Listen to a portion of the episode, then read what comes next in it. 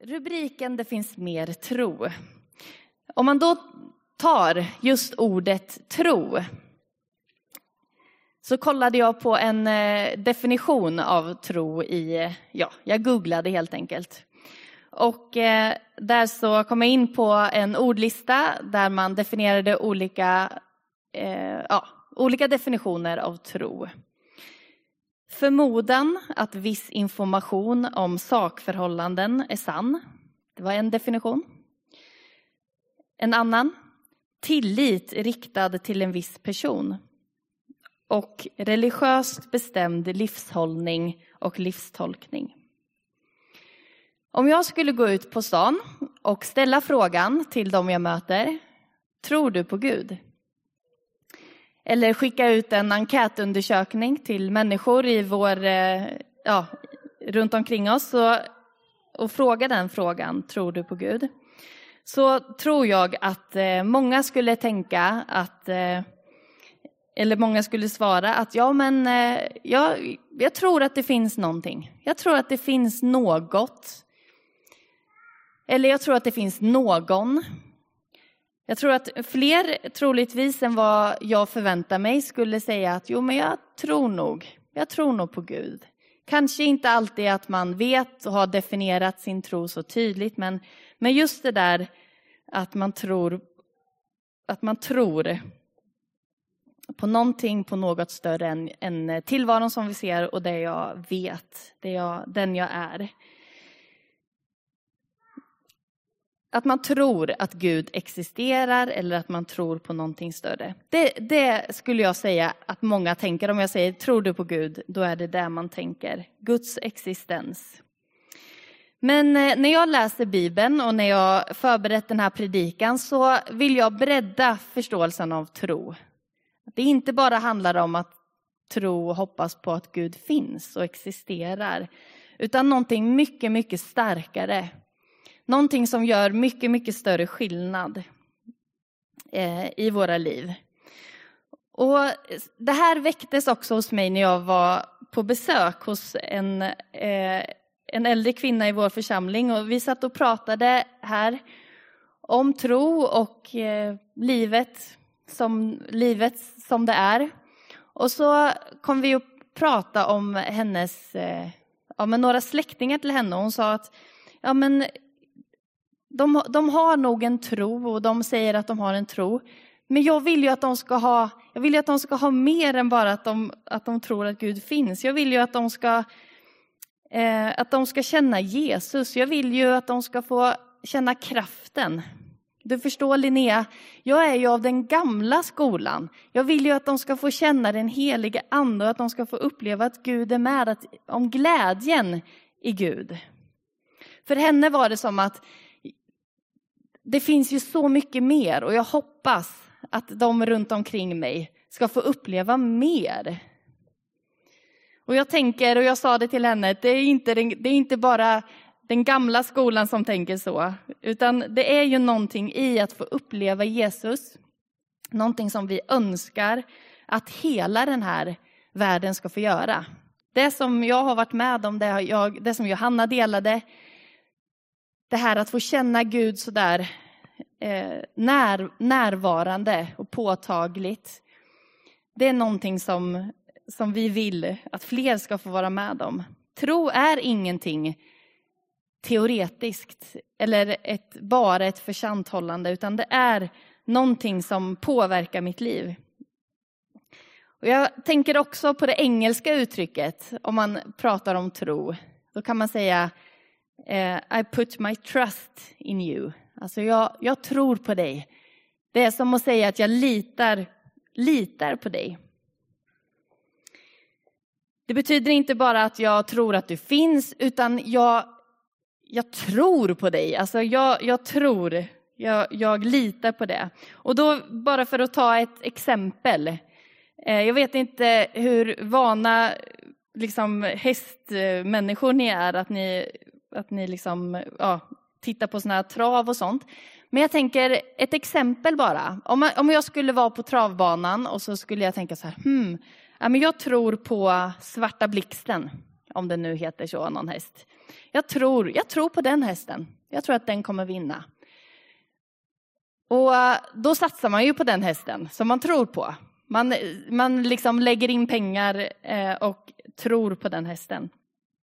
Ganska så, kanske inte en superduper bra bild, men ändå någonting som, som säger någonting om vad tro är. Att, att eh, satsa och att ja, ha en förväntan på någonting. Eller om din chef på jobbet säger, jag tror på dig, du ska få den här nya utmaningen. För att jag, jag tror på dig, jag tror att du kan klara det här, jag litar på dig. Det är lite också i den definitionen av tro, att satsa på, att liksom känna att någon tror på mig, någon satsar på mig. Ja, då, har ni, då är bilden hemma tror jag. Det finns ett kapitel i Bibeln som man brukar kalla för trons kapitel. Eh, och jag vill läsa en, en kort vers bara därifrån, ifrån Hebreerbrevet. Kapitel 11 och vers 1. Tron är grunden för det vi hoppas på. Den ger oss visshet om det vi inte kan se. Det är väldigt starkt, den, vad, vad tro är för någonting. Det är grunden för det vi hoppas på och det ger oss visshet om det vi inte kan se. En annan person som jag som eh, också har talat om tro och kanske mer om egentligen att drömma, det är den här eh, personen, eh, Walt Disney. Han lär ha sagt många saker om att drömma och att tro på någonting. Och han sa, if you can dream it, you can do it. Och vi som har tittat och är uppvuxna med Disneyfilmer vet att det där är ett stående tema i Disney. Att liksom, ja, men din dröm, du kan få se den bli verklighet. Att eh, även det som ser omöjligt ut, det kan faktiskt bli, bli verkligt. Och det sägs så här, jag har hört, eh, jag har hört någon annan berätta det, så jag kan inte verifiera det såklart, men det sägs att i samband med att Disney, är det Disney World det heter i eh, USA? Jag har aldrig varit där, men jag tror det. Eh, när man skulle inviga Disney World, då så hade Walt Disney gått bort och då var det någon som sa så här, tänk om Walt Disney skulle ha sett, om han skulle fått se det här. Varpå den andra säger, det var ju just det han gjorde. Alltså att han såg någonting som inte fanns, någonting som han tänkte att det här skulle, det här skulle kunna bli möjligt, det här skulle kunna bli verklighet. Ja, det är ett exempel på vad tro är också. Att drömma och att tänka och hoppas på någonting och att sätta sin tillit till det, alltså att göra någonting med det. En annan person, om vi går ifrån eh, från Walt Disney till Paulus. Han är en, eh, en person som i Bibeln, i Bibelns texter, Nya Testamentet, också kallas eh, om jag inte har fel så tror jag att man kallar honom för, nej, nej, trons apostel tänkte jag säga, men det vet jag inte. Det kände jag bara att det kom så här, kom upp i huvudet. Men i alla fall så talar han väldigt mycket om tro, och inte minst i Romarbrevet. Där så säger han så här i Romarbrevet 4, 18. Där allt hopp var ute höll Abraham fast vid hoppet och trodde att han kunde bli far till många folk. Enligt ordet så talrik ska din avkomma bli. Han sviktade inte i tron då han tänkte på att hans egen kropp var, utan livskraft. Han var omkring hundra år. Och att Saras modersköte var dött. Och lyssna nu. Inför Guds löfte tvivlade han inte i otro utan fick kraft genom tron han gav Gud äran och var förvissad om att det Gud har lovat, det kan han också infria. Därför räknades han som rättfärdig. Men inte bara om, om honom skrevs orden räknades som rättfärdig, utan också med tanke på oss. Vi ska räknas som rättfärdiga, ty vi tror på honom som från de döda har uppväckt vår Herre Jesus, som blev utlämnad för våra överträdelsers skull och uppväckt för vår rättfärdiggörelses skull. Abraham kallas trons fader. Han höll fast vid det som Gud hade lovat och som Gud hade sagt till honom. Han trodde på det som Gud en gång för länge sedan hade lovat honom. Där allt hopp var ute höll han ändå fast vid hoppet.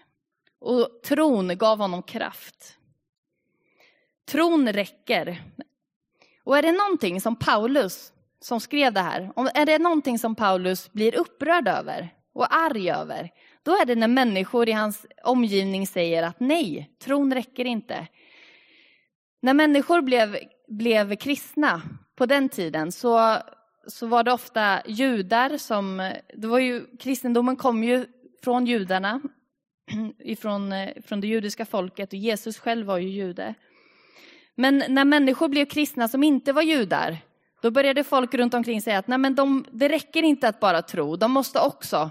Och sen så, så hade man olika saker som man tyckte att man skulle lägga på de här kristna för att de verkligen skulle ingå i Guds folk. Men Paulus blev upprörd och han blev, han blev arg på riktigt när han säger att nej, tron räcker. Det finns ingen skillnad på den som är jude och grek och man eller kvinna. Vi har samma grund och det är tron som är det viktiga.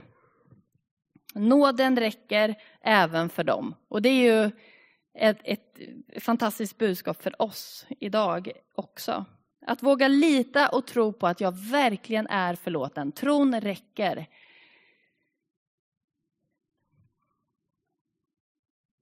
Men det här, det här rubriken som jag har idag, mer tro. Att det finns mer tro. Då vill jag läsa ifrån Lukas evangeliet 17 och 5. Där lärjungarna ber om just detta. Apostlarna sa till Herren, ge oss större tro, alltså mer tro. Herren svarade, om ni hade tro så stor som ett senapskorn skulle ni kunna säga till mullbärsträdet där, dra upp dig själv med rötterna och plantera dig i havet och det skulle lyda er. Jag tog med mig en liten fröpåse hemifrån.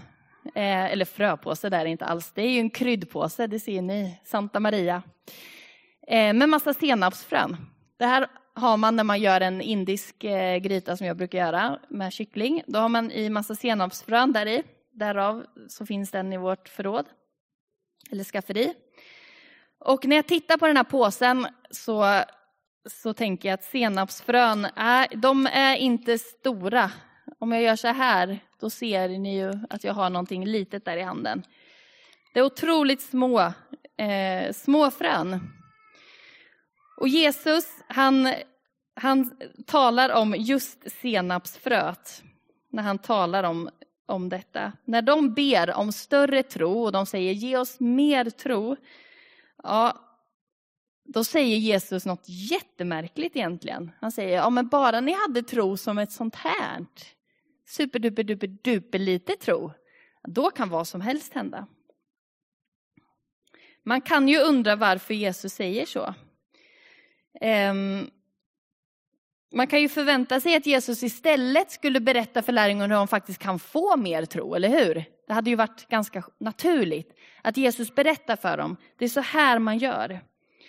Så här får ni större tro. Istället talar han om, nej, även den lilla tron kan göra vad som helst. Och, eh, det, det, är ju ett annat bibelord som är väldigt likt detta i, eh, andra evangelien som säger att bara du har tro som ett senapskorn så kan du flytta berg.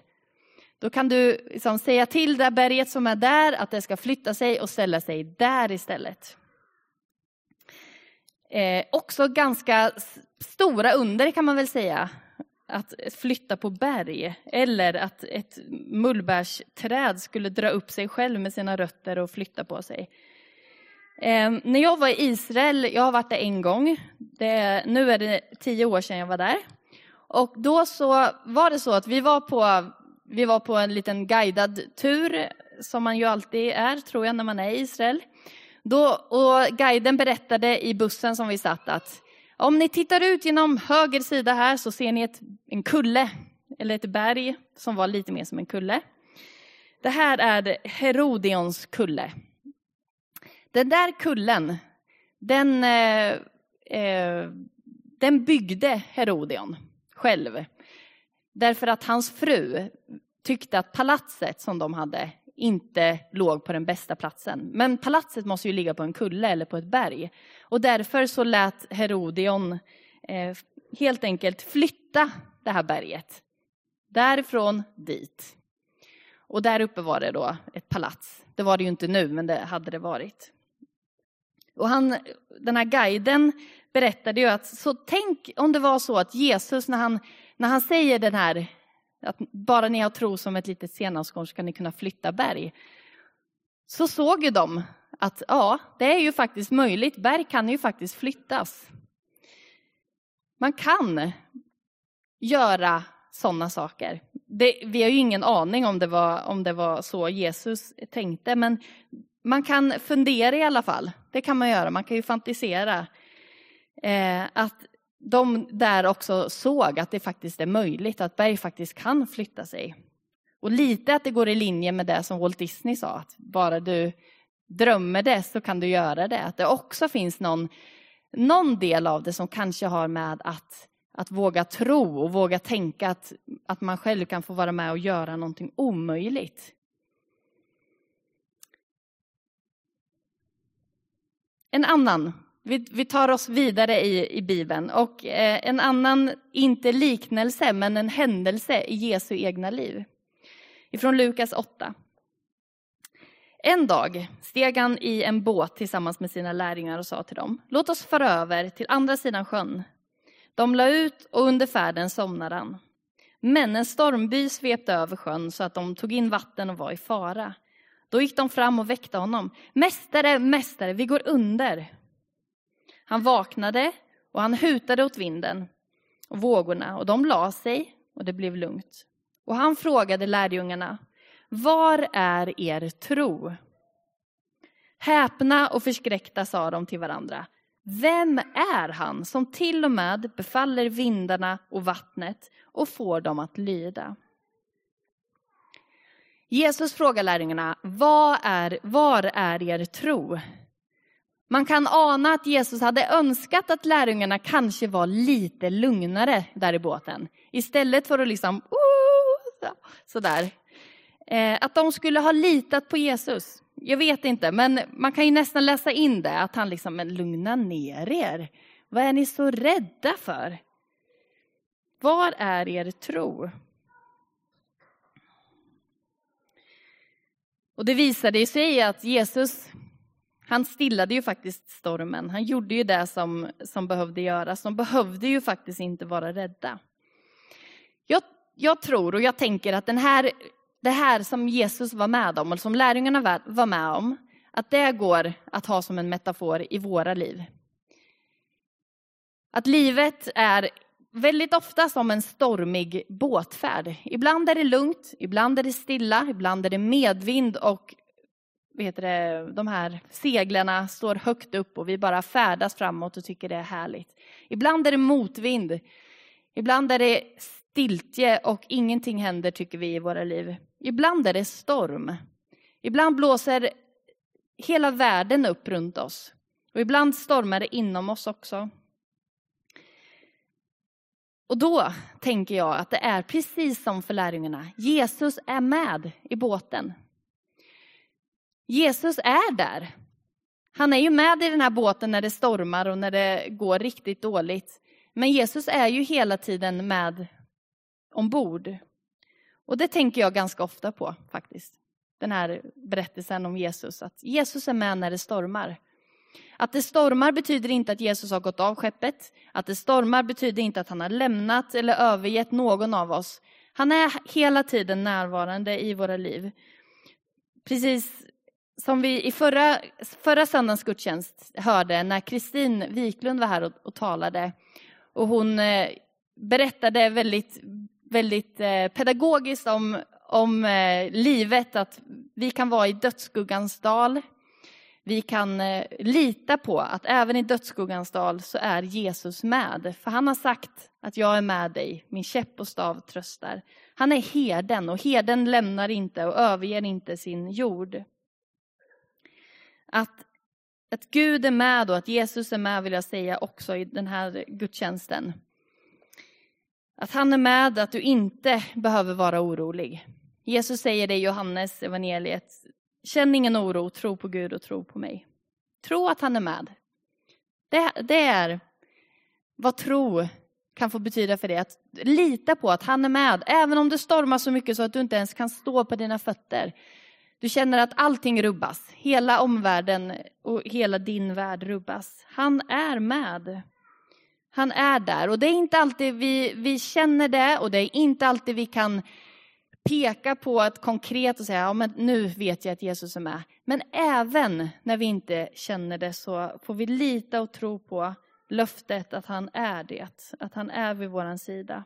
Och det tror jag Jesus vill säga till oss. Och jag tror att det är när han säger, var är er tro?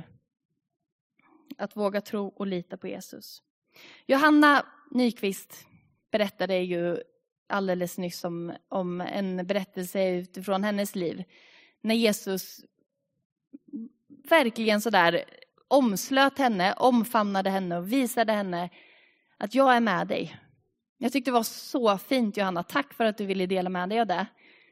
Eller hur? Man kände, ja, ja vi satt i onsdags på hemgrupp och jag och Johanna är med i samma hemgrupp. Och, och då så pratade vi om, om under och helande och, och så berättade hon om den där, den där tillfället när Jesus mötte henne. Och, jag, och då kände jag så här, det här vill inte jag bara att vi ska sitta här och lyssna på, det måste alla få höra. Så tack för att du delade med dig av det till oss alla.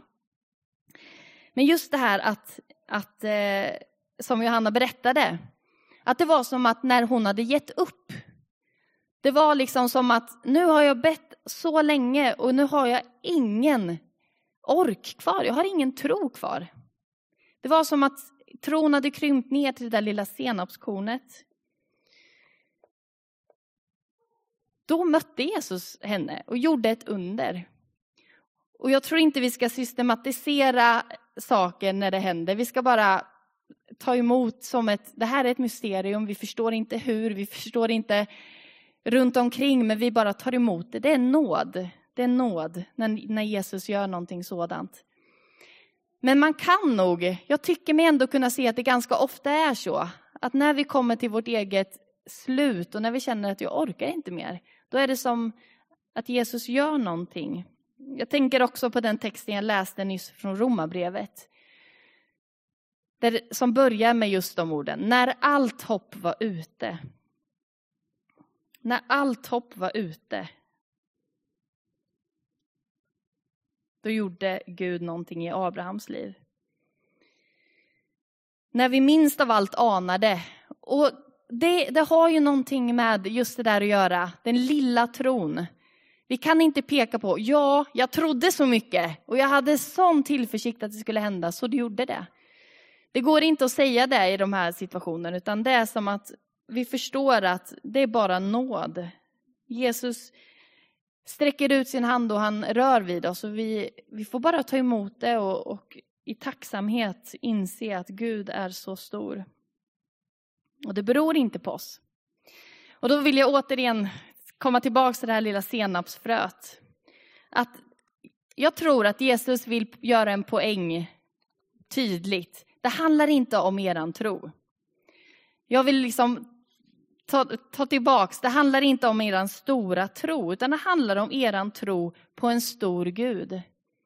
Det handlar om att det är jag, Gud, som har all makt i himmel och på jord. Jag kan göra vad som helst, i vem som helst, hur mycket som helst, när som helst. Och vi får bara, vi får bara stå med förundran och tänka att, att Gud är nådig. Jag tror att vi behöver det som människor. Hade det varit så att Jesus hade gett lärjungarna en formel. Det är så här ni ska göra. Det är så här ni gör för att få en stor tro. Och sen kan, vad som, kan ni göra vad som helst. Då hade lärjungarna gått därifrån och känt att nu har vi, nu har vi, nu har vi allt, nu har vi allt vi, vi behöver. De hade inte varit beroende av Jesus. De hade inte behövt att be till Jesus, utan de hade kunnat fixa det. Men jag tror att, att han vill berätta för oss, och jag tror att det är viktigt för oss idag också, att vi förstår att det handlar inte om oss, det handlar om Jesus. Och tro är alltid ett gensvar på det som Jesus redan har gjort för oss. Det börjar inte med oss. Och jag bär inte tron, utan det är tron som bär mig.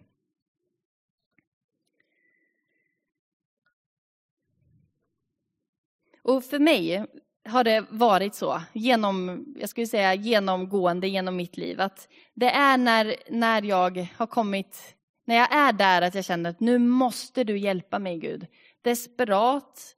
Det kan vara inför ett stort livsavgörande beslut när vi har, när vi har upplevt att vi ska flytta till exempel från trygghet, flytta från ett, ett hem, ett hus, en stad och känt att, att vi är på väg någonstans nytt. Till exempel när vi skulle flytta från Malmö och vi skulle flytta till Motala och vi inte visste att vi skulle flytta till Motala. Vi, vi bara visste att vi skulle flytta från Malmö.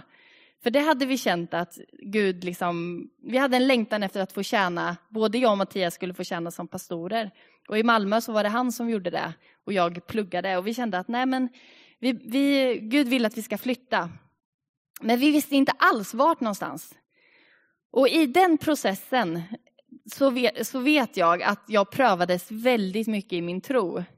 I att lita på Gud. Att lita på att Gud har allting i sin hand, att han har en plan. Och då sökte jag mig också väldigt mycket till Gud. Och jag bad väldigt mycket. Jag har, jag har en bönebok hemma. Som, där jag skriver ner, det är som en dagbok blandat med böner. Och, och när jag läser den där perioden, 2018, första halvåret liksom, då är det så mycket sånt bara, Gud hjälp mig att lita på att du har kontroll och hjälp, hur ska det gå? Det, det, det är så mycket liksom, sådana böner. Och jag vet också att, att Gud la saker och ting väldigt, väldigt mycket till rätta väldigt snabbt. Mycket, mycket snabbare än vad vi hade vågat tro. Men det är en utmaning att lita på Gud. Det är alltid en utmaning. Men vad kan man göra ändå för att få större tro eller för att få mer tro? För jag tänker ändå, rubriken är ju Det finns mer tro. Nu har jag talat om tron som ett senapskorn och sagt att det inte handlar om, om vår stora tro utan handlar om en stor Gud. Men jag tror ändå att vi kan be om att få större tro. Jag tror ändå att vi kan be om att få en större tillit till Jesus. Att vi ännu mer i våra liv vågar och lita på att han står att han är stor och att han har koll på våra liv. Och då vill jag läsa bibelord, ett bibelord om att växa, att tron kan få växa. Ifrån Efesierbrevet 3. Stå fasta och var stadigt rotade i honom så att ni tillsammans med alla de heliga förmår att fatta bredden och längden och höjden och djupet och lära känna Kristi kärlek som är mer väldig än all kunskap tills hela Guds fullhet uppfyller er. Han som verkar i oss med sin kraft och förmår att göra långt mer än vad vi kan begära eller tänka. Hans är härligheten genom kyrkan och genom Kristus Jesus i alla släktled i evigheters evighet. Amen. Tillsammans med alla de heliga förmår vi att fatta längden och bredden och höjden och djupet, eller i vilken ordning det nu är. Det är tillsammans som vi kan få växa i tro. Det här som vi gör nu, att du sitter där du sitter, att du har kommit till gudstjänst för att fira gudstjänst tillsammans med andra.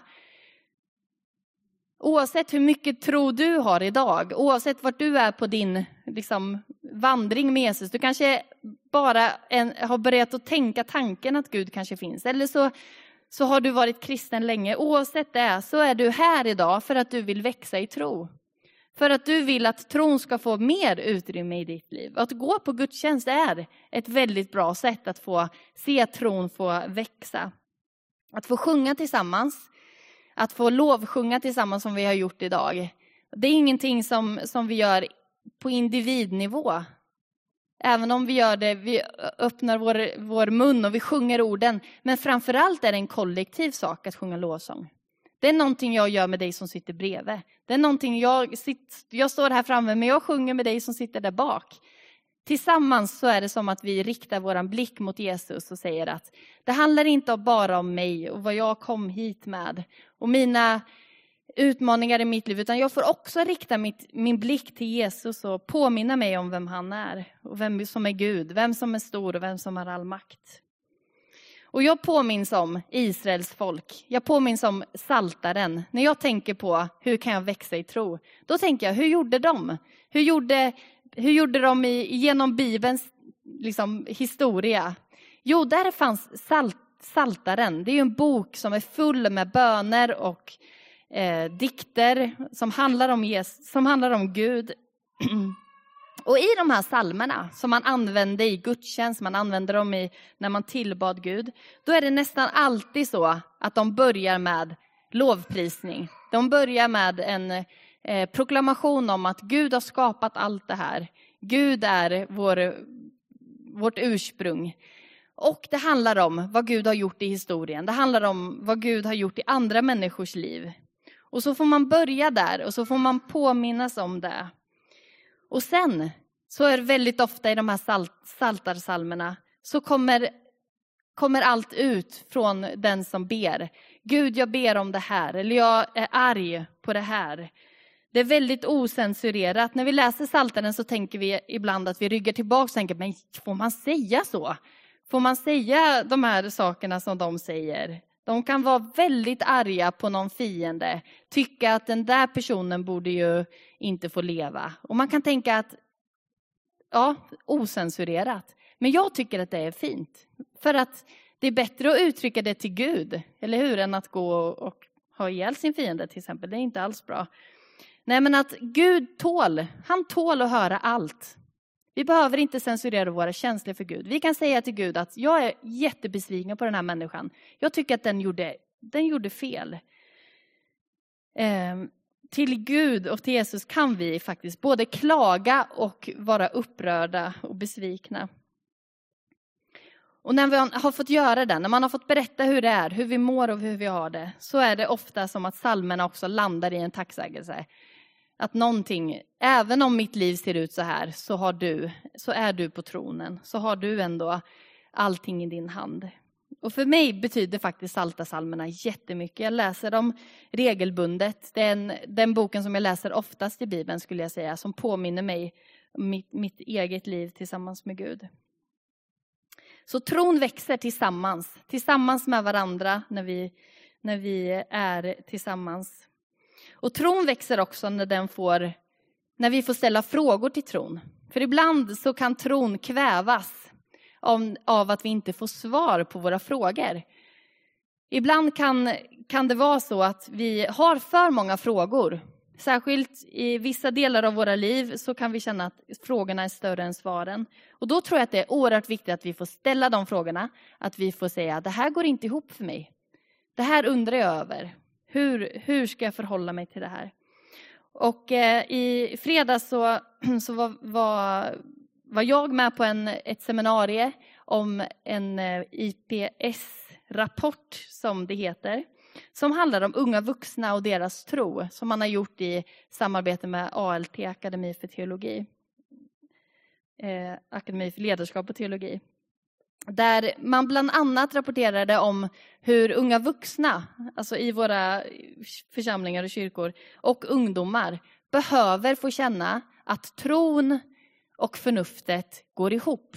Det är inte en konflikt där jag behöver, när jag går till kyrkan och när jag ska tro på, när jag liksom tror på Gud, så måste jag lägga undan alla mina, min, min ena hjärnhalva. Liksom. Att det som jag Eh, det som jag också kan få reda på genom vetenskap eller genom det vi kan se och ta på. Jag, jag, jag, behöver få känna att det går ihop. Jag behöver få känna att det går att koppla ihop tro och vetande.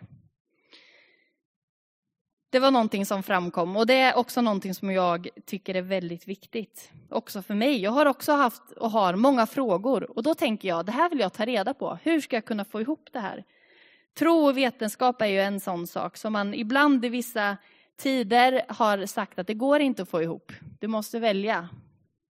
Jag har läst en, en bok under, ett, eh, under en tid, jag läser lite i taget, det tar, en, tar lite lång tid för mig ibland, om skapelse och evolution och där fyra kristna diskuterar från fyra perspektiv.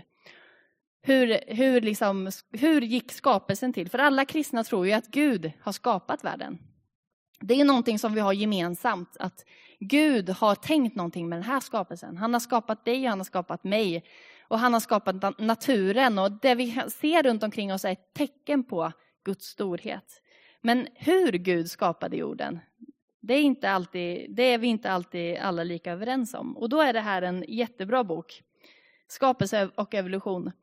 Eh, för att den tar upp fyra olika perspektiv och de diskuterar med varandra, de gör inlägg ja, på varandra. Men att inte behöva känna att jag väljer, utan att jag faktiskt kan känna att tron blir begriplig, att den går ihop. Att tron och förnuftet kan leva sida vid sida. Och att man kan förena både tro och vetenskap. Det tror jag faktiskt är jätteviktigt. Den sista saken jag vill säga om att hur jag kan göra för att få en större tro. Och då vill jag ge en gåta till er så att ni, ni får tänka lite. Vad blir större ju mer du delar med dig av den? Då får ni svara rakt ut.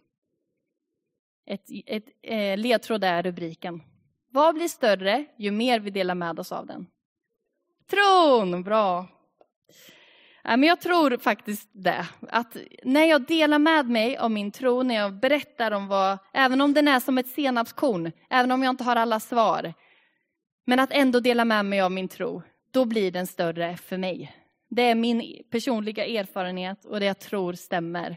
Jag tror att vi, vi får dela med oss och vi får göra det på det sätt som, är, som stämmer för oss i de personligheter som vi har. Och jag vill avsluta med en, eh, någonting som vi i församlingsledningen har talat om i vår församling, att vi vill ska prägla det här året som kommer, 2023. Vi vill vara en öppen församling. Och då har vi sagt så här. Jesus har kallat församlingen att vara hans kropp i den värld vi lever i, för att visa människor på hans kärlek. Och därför vill vi vara en församling som präglas av öppenhet. Under året vill vi särskilt fokusera på öppenhet för vårt samhälle och för att människor i Motala ska veta att de är välkomna till oss. Vi önskar att eh, all församlingens verksamhet, verksamhet ska vara inkluderande mot nya och att det skapas mötesplatser i vår kyrka. Det är enkelt att ta med sig vänner och bekanta. Vi vill skapa mötesplatser utanför kyrkan där vi får kontakt med människor i vår stad och visa att vi är en kyrka mitt i samhället. Det ligger i linje med det här, att få dela med oss av vår tro. Att få känna att vi inte är bara till för oss själva utan för, för andra människor. Tack för att du har lyssnat idag. Vi ska, vi ska be tillsammans och jag vill särskilt be för de här sakerna som jag har talat om. Att våga tro på, hålla fast vid och lita på Jesus, hur den ser ut runt omkring. Att lita på Gud och lita på att Gud håller fast vid dig. Att lita på att tron bär dig. Det är någonting som jag vill stryka under. Och även en inbjudan till dig. Att tro på Jesus. Att våga satsa på honom. Att våga säga, men jag vet inte hur allt ligger ihop, hur allt går till, men jag vill tro på dig Jesus. Det är en, en bön i tro. Det är som ett senapskorn, det är litet och det är vacklande, men det är tro. Så du som sitter här och känner, men jag vill tro, be den bönen eh, när vi ber. Att du får liksom, eh, be, be om, om eh, tro och också uttrycka din tro till Jesus i att hoppas på honom. Tack Jesus för att vi får tro på en stor Gud. Att vi får tro på en Gud som har skapat himmel och jord. På en Gud som har allting i sin hand. Och att vi, även om vi inte vet allt, vi förstår inte allt Jesus, så litar vi på att du har allting i din hand. Vi litar på att du är eh, alltings, alltings Herre, att du är far till oss, att du är en god Gud, att du är en nådefull Gud. Att du inte lämnar någon av oss, att du inte släpper taget om oss. Jesus, jag tackar dig Herre för att du vill möta oss, och att du vill välsigna oss den här gudstjänsten Jesus. Jag ber att vi var och en i de olika platser vi befinner oss i i livet ska få ta tag i dig idag, Jesus. Få hoppas på dig. Säg att jag, jag vill inte släppa dig, Jesus. Jag vill, jag vill tro på dig. Jag ber att vi ska få uppleva detta, Jesus, att vi får, får mer tro, Herre, och framför allt att vi får lita på dig, Jesus. Tack att du vill möta oss, Gud. Vi kommer göra så här att, eh, för att